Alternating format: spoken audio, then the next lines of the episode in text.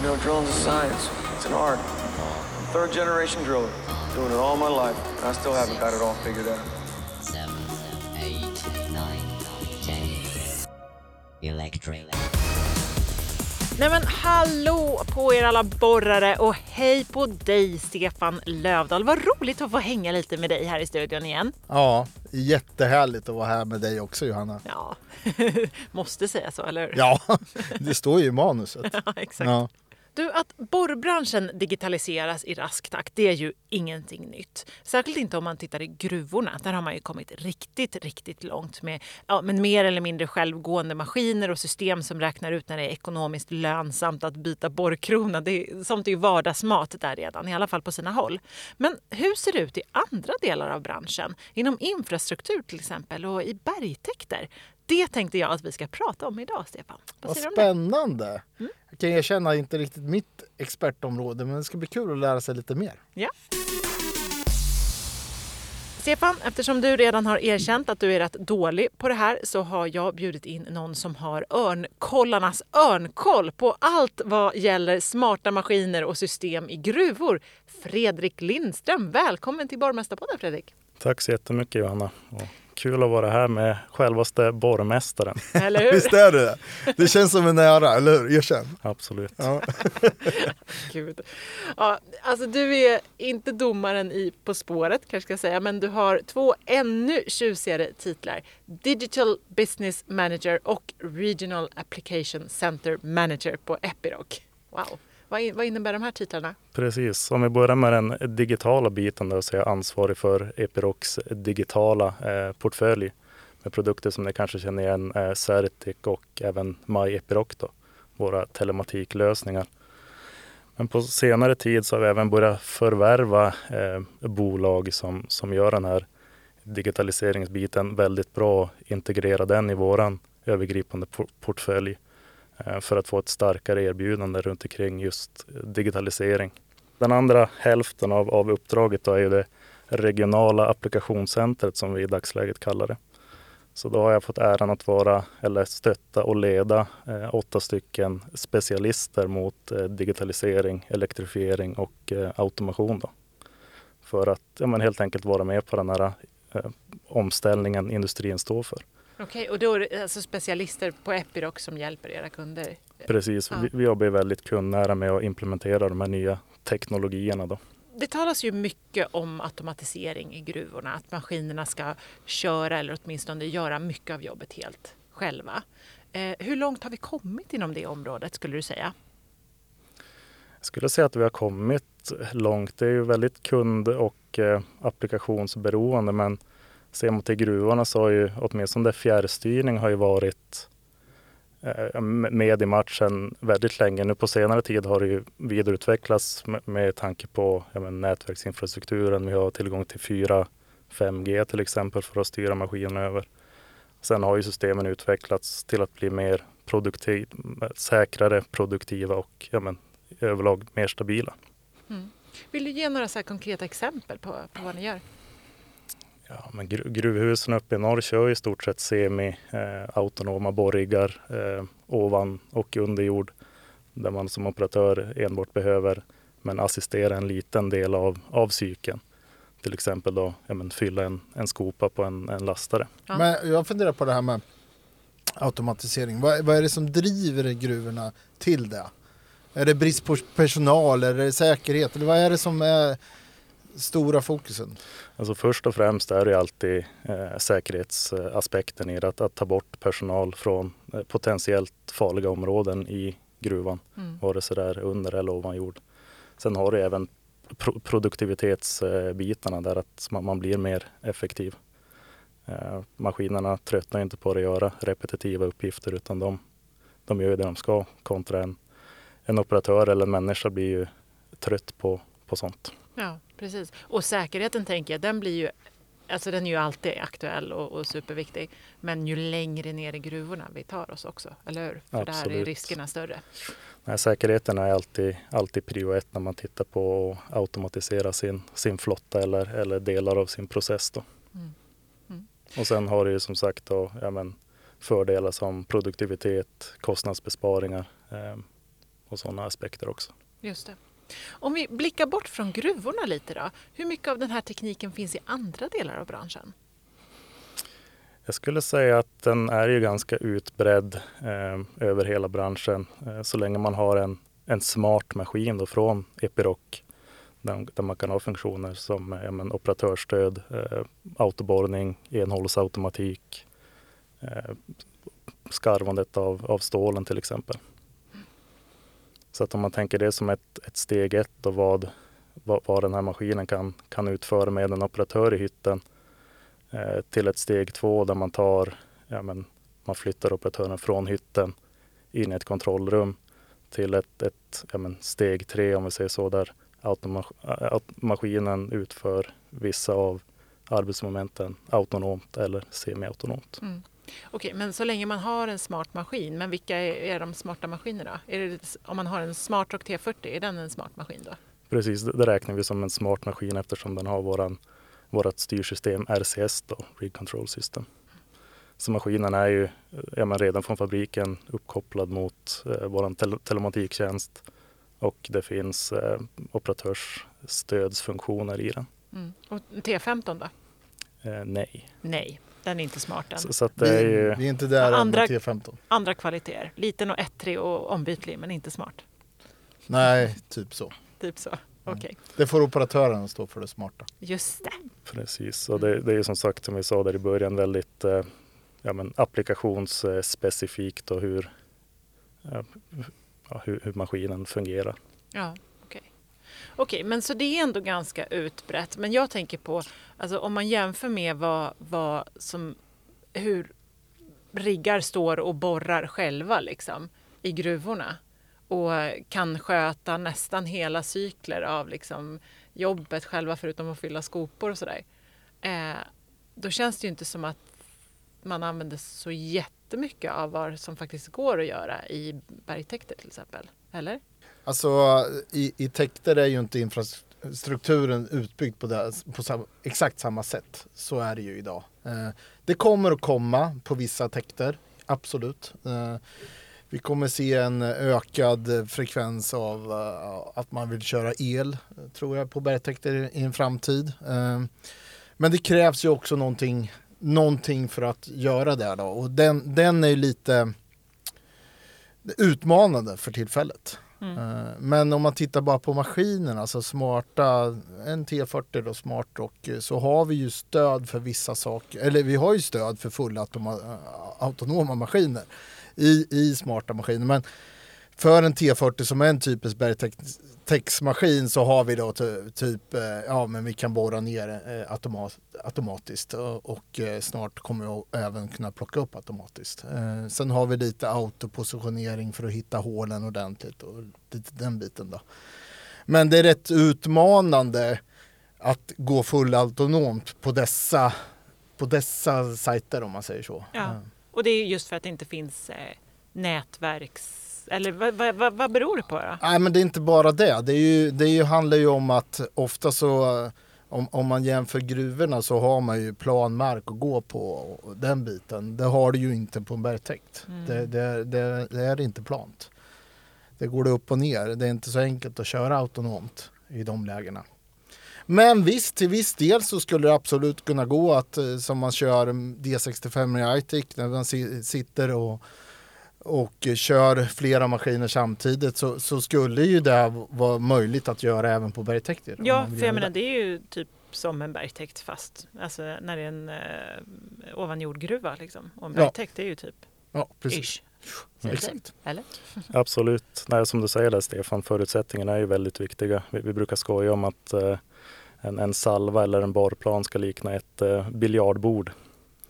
Bara för att underlätta just navigeringen av en semi-autonom eller autonom maskin. Då. Okej, Ehm, så, så att platt. det- Ja. Ja, det Mm. med, med glimten i ögat men Mm. eh, det underlättar ju såklart att man har rätt, rätt förutsättningar för maskinen. Då. Jäkla natur och vara så knögglig. Ja, det är lite den branschen vi jobbar i. Ja. Ja. På vilket sätt skulle man kunna applicera den här tekniken som finns då inom eh, infrastruktur när man bygger tunnlar och sådär? Då? Det kanske man redan gör förresten, man kanske har det här. Ja, det skulle jag absolut säga att, att um, tunnel, tunnelprojekten är väldigt digitaliserade i, i dagsläget. Uh, jag har besökt ett flertal tunnlar som använder um, Epirocs uh, digita digitala pro produkt uh, Mobilaris till exempel för att då även ha full kontroll på var personer och uh, utrustning befinner sig. Mm. Alltså kunna... det är någon slags GPS-lösning ja, fast man ser bara? Precis, om, om grovt så är det en underjords-GPS då. Men, men, du har även möjlighet då i, i en kontrollrumsmiljö eller eh, för vardera person till exempel att ha i sin telefon eller eh, platta då en, en 3D-visualisering av det här tunnelprojektet.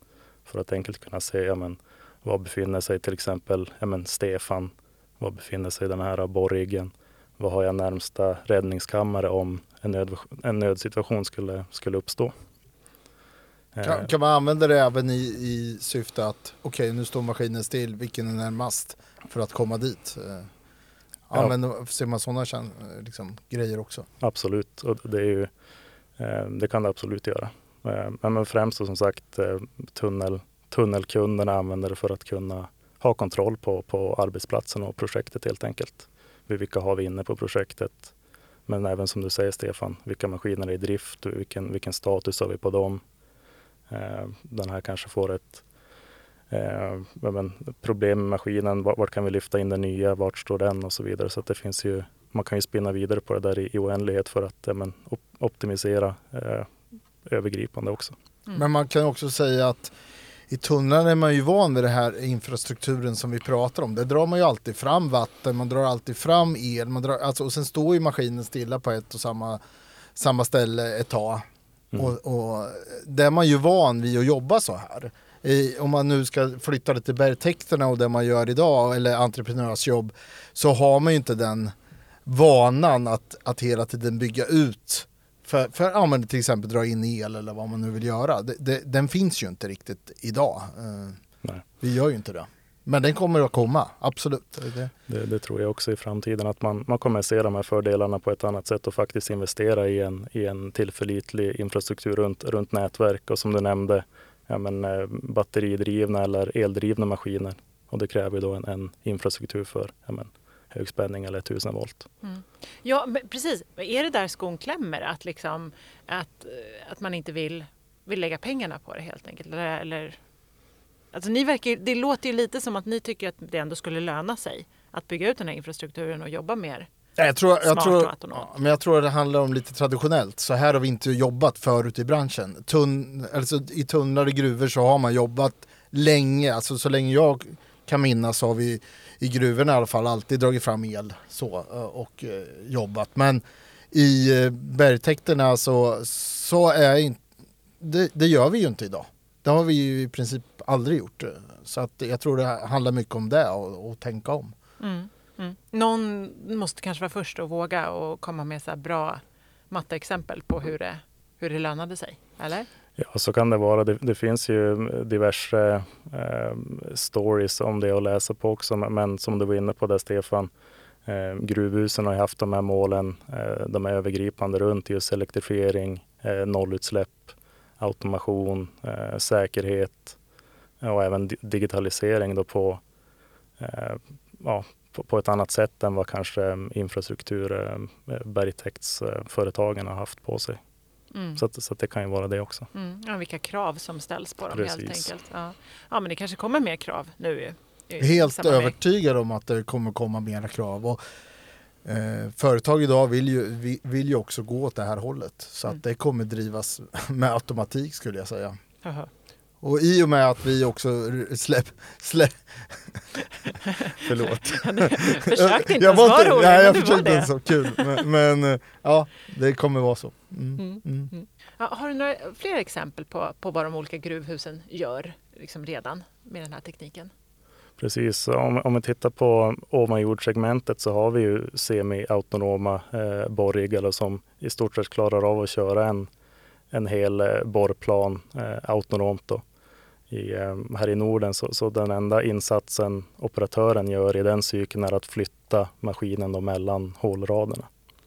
Okej. Okay. Och tittar vi in på, på underjordssegmentet där så den högsta automatiseringsgraden är ju utförd på eh, materialhanteringssegmentet, alltså truckar och lastare.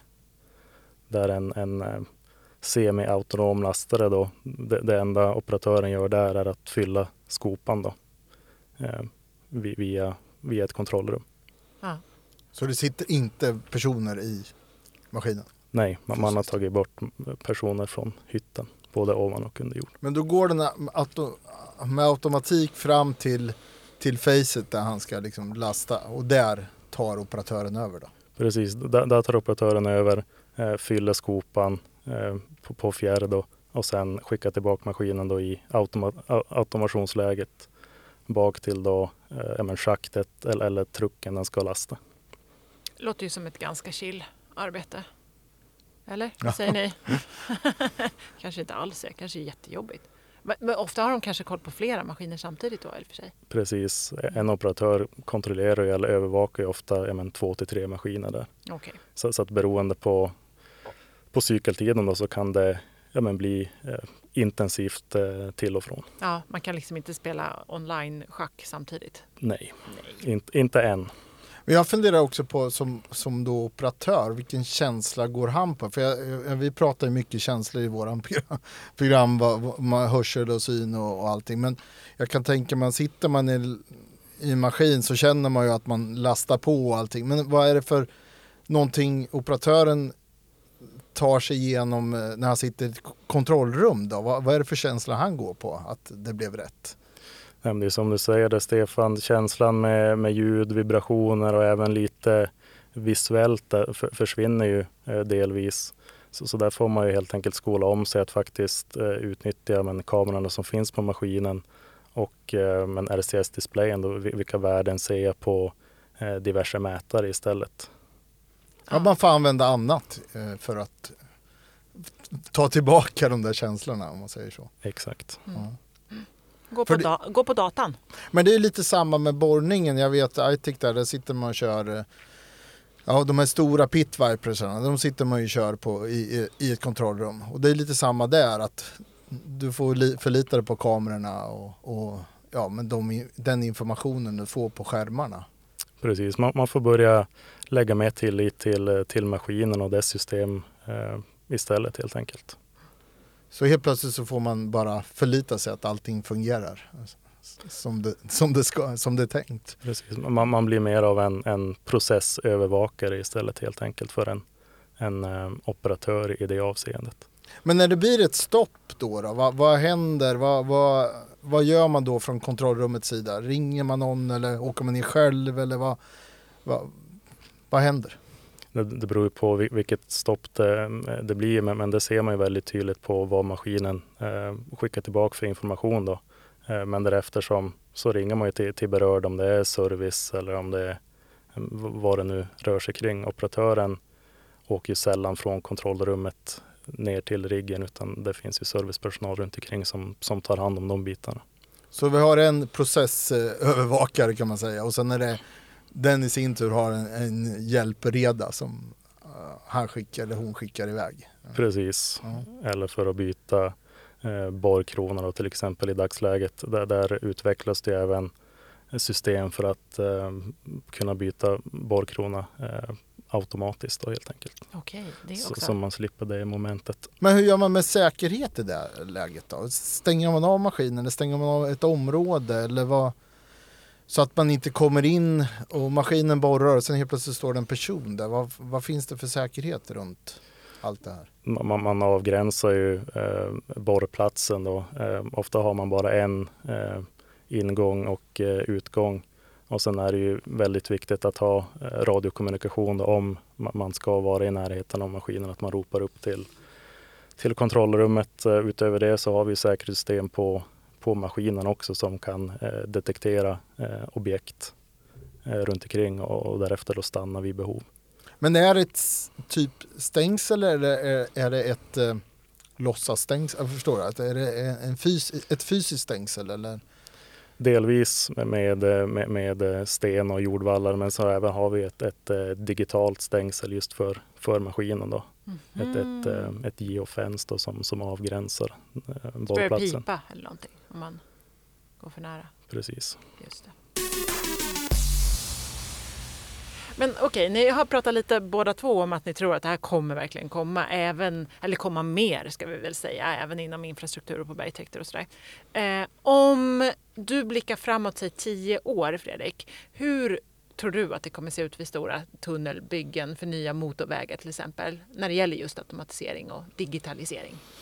Nej, men jag tror vi kommer följa den, alltså den övergripande trenden som vi redan ser nu med de här huvudmålen att ja, men, ta bort folk från eh, farliga områden till exempel. Eh, fortsatt automatisering av, av maskinerna då, eh, mer mot, mot, mot, faktiska robotar då.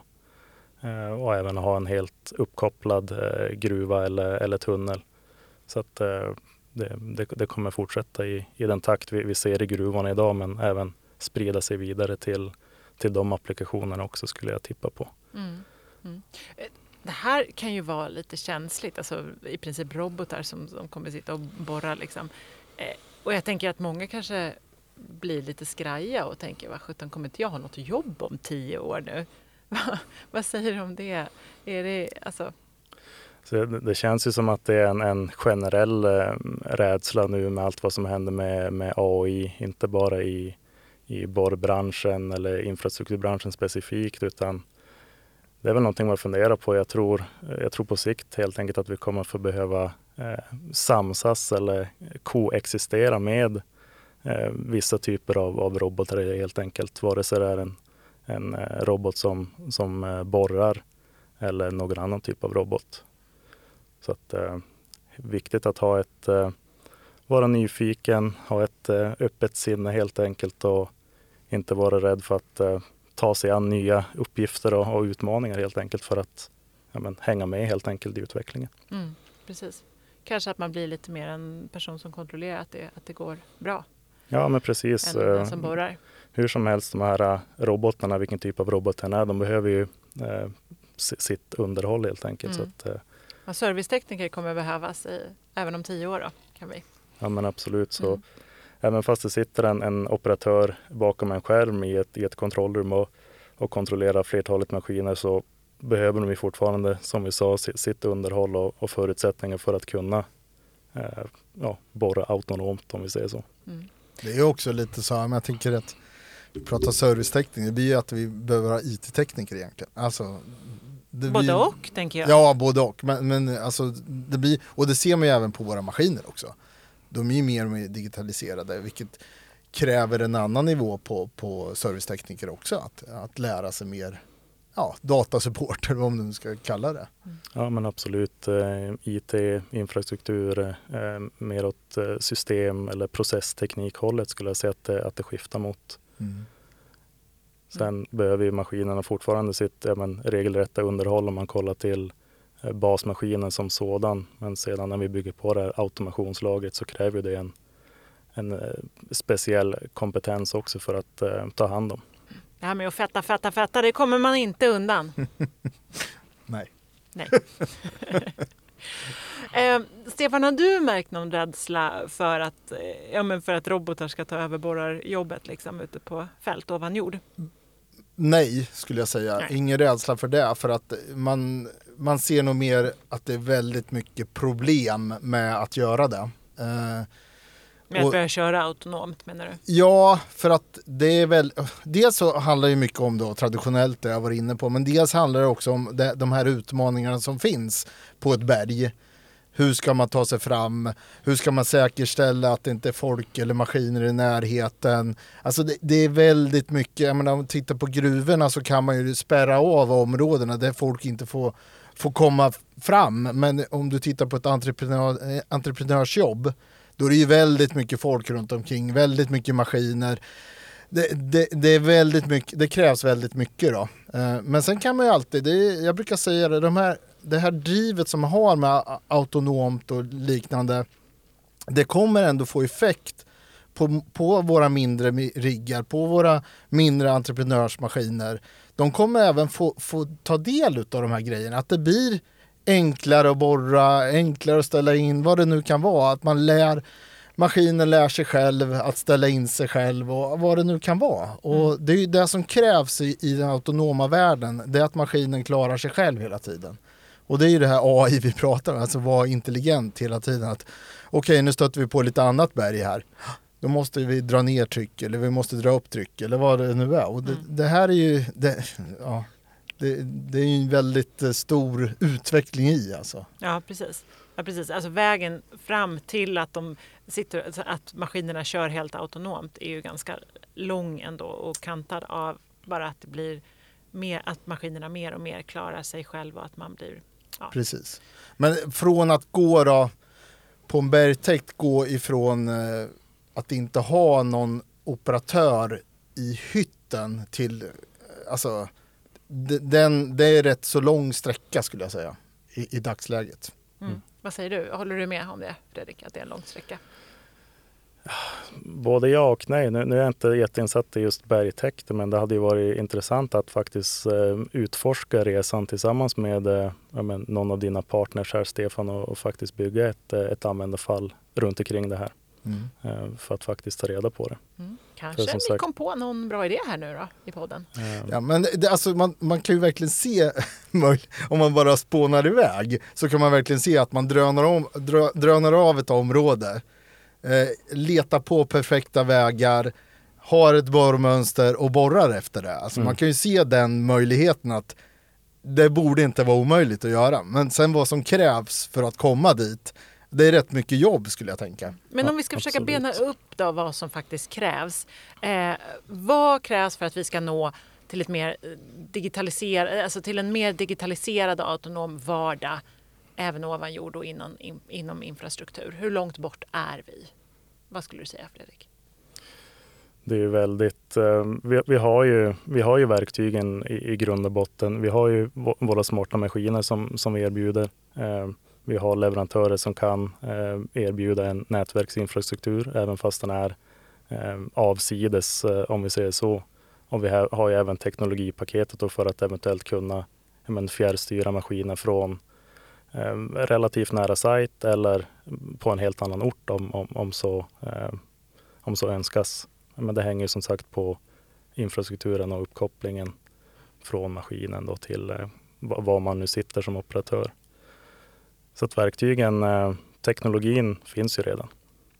Så det kanske inte är så långt bort då, så länge någon börjar våga ta steget. Precis. Ja. Men alltså nätverksinfrastruktur, tänker jag på en bergtäkt måste ju det vara easy peasy om man jämför med en gruva. Där i en gruva under jord, är där är det ju svårt liksom att få till nätverk. Eller det är en annan femma i alla fall. Det, det är väl hugget som stucket ska jag säga. Det finns utmaningar på både ovan jord och under jord för att få till ett, ett eh, stabilt nätverk. Det vi ser nu med, med LTE, 4G, 5G så har man tagit ett väldigt stort eh, kliv framåt där. Fredrik, stort, stort tack för att du kom till Borgmästarpodden och lärde mig och inte minst Stefan lite mer om hur det funkar i gruvorna. Tack så jättemycket. Kul att vara här. Hoppas det var till någon, till någon hjälp. Ja, absolut. Det tror jag nog. Det eh, låter ju faktiskt som att eh, borrare och entreprenörer även inom infrastruktur kan se fram emot en lite mer laid-back eh, framtid i riggen. Eller vad säger du, Stefan? Ja, eller framförallt säkrare miljö. Just det, just det. Det gillar vi. Ja, och med det så har det blivit dags för nästa punkt på programmet som börjar bli en riktig långkörare, eller hur Stefan? Ja, det kan man säga. Han är så jäkla bra. Ja, han Ja. har så många tips. Japp. Här kommer Goliats verktygslåda med ingen mindre än Epirocs medicine riggdoktor Patrik Goliats. Goliats verktygslåda. Tips till de flesta topphammarborrmaskinerna. När ni fyller fett i växeln, se till att ta bort pluggen och se till att det kommer ut fett. Ju oftare man gör det, ju mindre fett behöver man fylla och lättare att hålla koll på fettförbrukningen i hammaren. Ja, vad har du att säga om det tipset Stefan? Ja, det är viktigt att fetta. Det känns som Golias brinner för det. Han brinner för fett. Ja. Ja, och det mina vänner var allt vi hade att bjuda på i dagens program. Men för dig som är sugen på mer så finns det såklart massor av andra avsnitt att lyssna på och artiklar att läsa. Surfa in på bitsmagasin.se och kolla in. Bits stavar vi med Z. Ha det bra allihopa. Hej då. Hej då!